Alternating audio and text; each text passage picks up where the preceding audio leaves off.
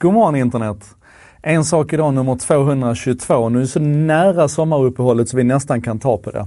Eh, imorgon kommer jag berätta lite grann mer om vad som ska hända, alltså framåt. I avsnitt 223 kommer det.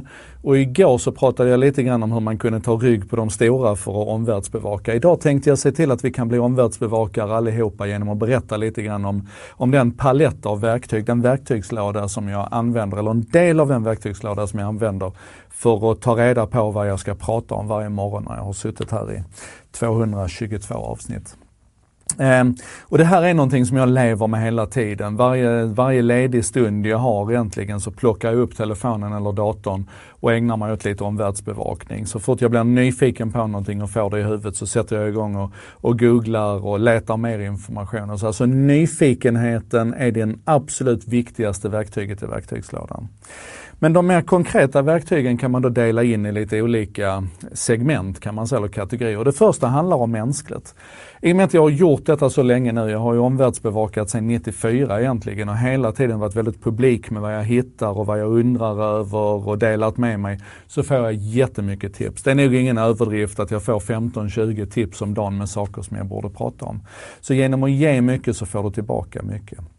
Jag engagerar mig också i, i grupper. Eh, jag har länge pushat för digital samhällskunskap. Det är fortfarande en bra grupp men jag tänker sluta pusha för den. För att det är alldeles för mycket inlåsta betalartiklar som ligger till grund för diskussionerna där nu. Och jag tycker att ska man diskutera i ett öppet forum så ska underlagen vara öppna för alla som vill diskutera. Så vi får se var det ska ta vägen någonstans. Men Twitter är också en bra omvärldsbevakare. Där kan du framförallt hitta individer att följa så att du specialbevakar dem. Ta dem som du tycker postar intressant intressanta nyhetsuppdateringar och, och funderingar på Twitter och lägg dem i en Twitterlista och håll koll på den. Så det är den, den mänskliga aspekten kan man säga. Eh, den andra, eh, det andra segmentet är sajter och jag ska bara nämna två. Den ena heter TechMeme och är en samlingssajt. Den är lite grann en doldis men i techvärlden så är den gigantisk. Eh, det gjordes nyligen ett reportage om den när man kunde konstatera att alla VDR och alla stora chefer på alla de stora företagen följer TechMeme slaviskt. Den aggregerar ihop nyheter från andra sajter, sätter lite egna rubriker på den och sånt. Man kan säga att den är som en, en Omni fast bara för technyheter. Den är grym. Och i andra änden av det spektrat, om TechMeme liksom är, är, översikten och så här, så den andra änden så har vi en sajt som heter Hacker News som drivs av Y Combinator. Eh, eh, Private Equity-bolaget, VC-bolaget. Som, som har en, alltså det här är en verkligen nördfest. Googla Hacker News och gå in och titta på den så ska du se en av mina stora inspirationskällor till tidiga nyheter på techområdet. Sen använder jag tjänster. Jag har pratat, vi har haft ett specialavsnitt om Google News till exempel när de släppte sin nya version. Google News är fantastiskt. Det är nog min, min go-to applikation som jag använder mer än någon annan och ju mer jag använder den desto bättre blir den. Jag kopplar på Google alerts när jag vill följa speciella skeden så att jag snabbt får notifieringar när det händer någonting. Jag har lagt upp Feedly. Jag pratade igår om att bevaka eh, techgiganternas egna bloggar och, och, nyhetsbrev och sånt. Det finns alltid ett RSS-flöde. Det stoppar jag in i Feedly. Jag har en kanal där som heter Direct Sources. Eh, och sen använder jag Flipboard fortfarande lite grann också. Flipboard är ju den här tjänsten, applikationen i iPhone och, och, och Android som gör det här lite vackert. Du kan få ett vackert Twitterflöde där den expanderar och gör det till ett litet magasin. Och så kolla på den. Ehm, det tredje segmentet, det var människor, det var sajter, det var tjänster. Det tredje segmentet är andra kuraterare, ofta via nyhetsbrev. Det finns till exempel ett fantastiskt nyhetsbrev som heter Futurism. Eh, rekommenderas varmt. Jag tror de kommer eh, två gånger i veckan eller någonting med bra sammanställningar, djupdykningar.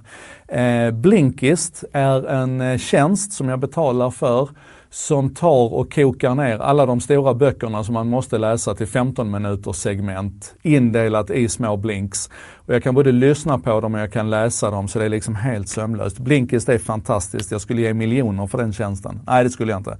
Men den är värd vartenda öre. Sen följer jag ett antal poddar och där kan jag spegla tillbaka till påsk eh, en sak i dagen där jag listade 20 poddar som jag gärna lyssnar på. Det finns många fler och det här är någonting där vi kan dela med oss för poddarna är fantastiska för att få inte kanske som i en sak idag, det här snabba omedelbara, men att få de lite djupare resonemangen. Eh, grymt bra. Och sen emellanåt tittar jag in i Omni faktiskt. Minst två gånger om dagen så tittar jag in i Omni på, på technyheterna där. Inte för att jag någonsin hittar någonting där som jag inte redan har sett någon annanstans. Utan för att då vet jag att nu har det här bubblat upp till ytan och nu är det någonting som folk kommer att prata om. Som i exemplet med eh, eh Rapport, SVT Rapport här när de helt plötsligt började prata Amazon Go, den här Amazon-butiken. Och jag kunde se liksom hur vi hade pratat om den här i en sak idag för ett år sedan. Men det är ändå värdefullt att veta att nu har det bubblat upp till ytan, nu är det allmängods. Nu kan vi flytta diskussionen till en annan nivå. Så, mänskligt, sajter, tjänster, andra kuraterare, poddar och lite, lite Omni. Så ser min omvärldsbevakning ut. Um, det här lägger jag flera timmar på varje dag eh, och jag gör det för att det är roligt och spännande och för att det föder min nyfikenhet och jag hoppas det ska göra det för dig också.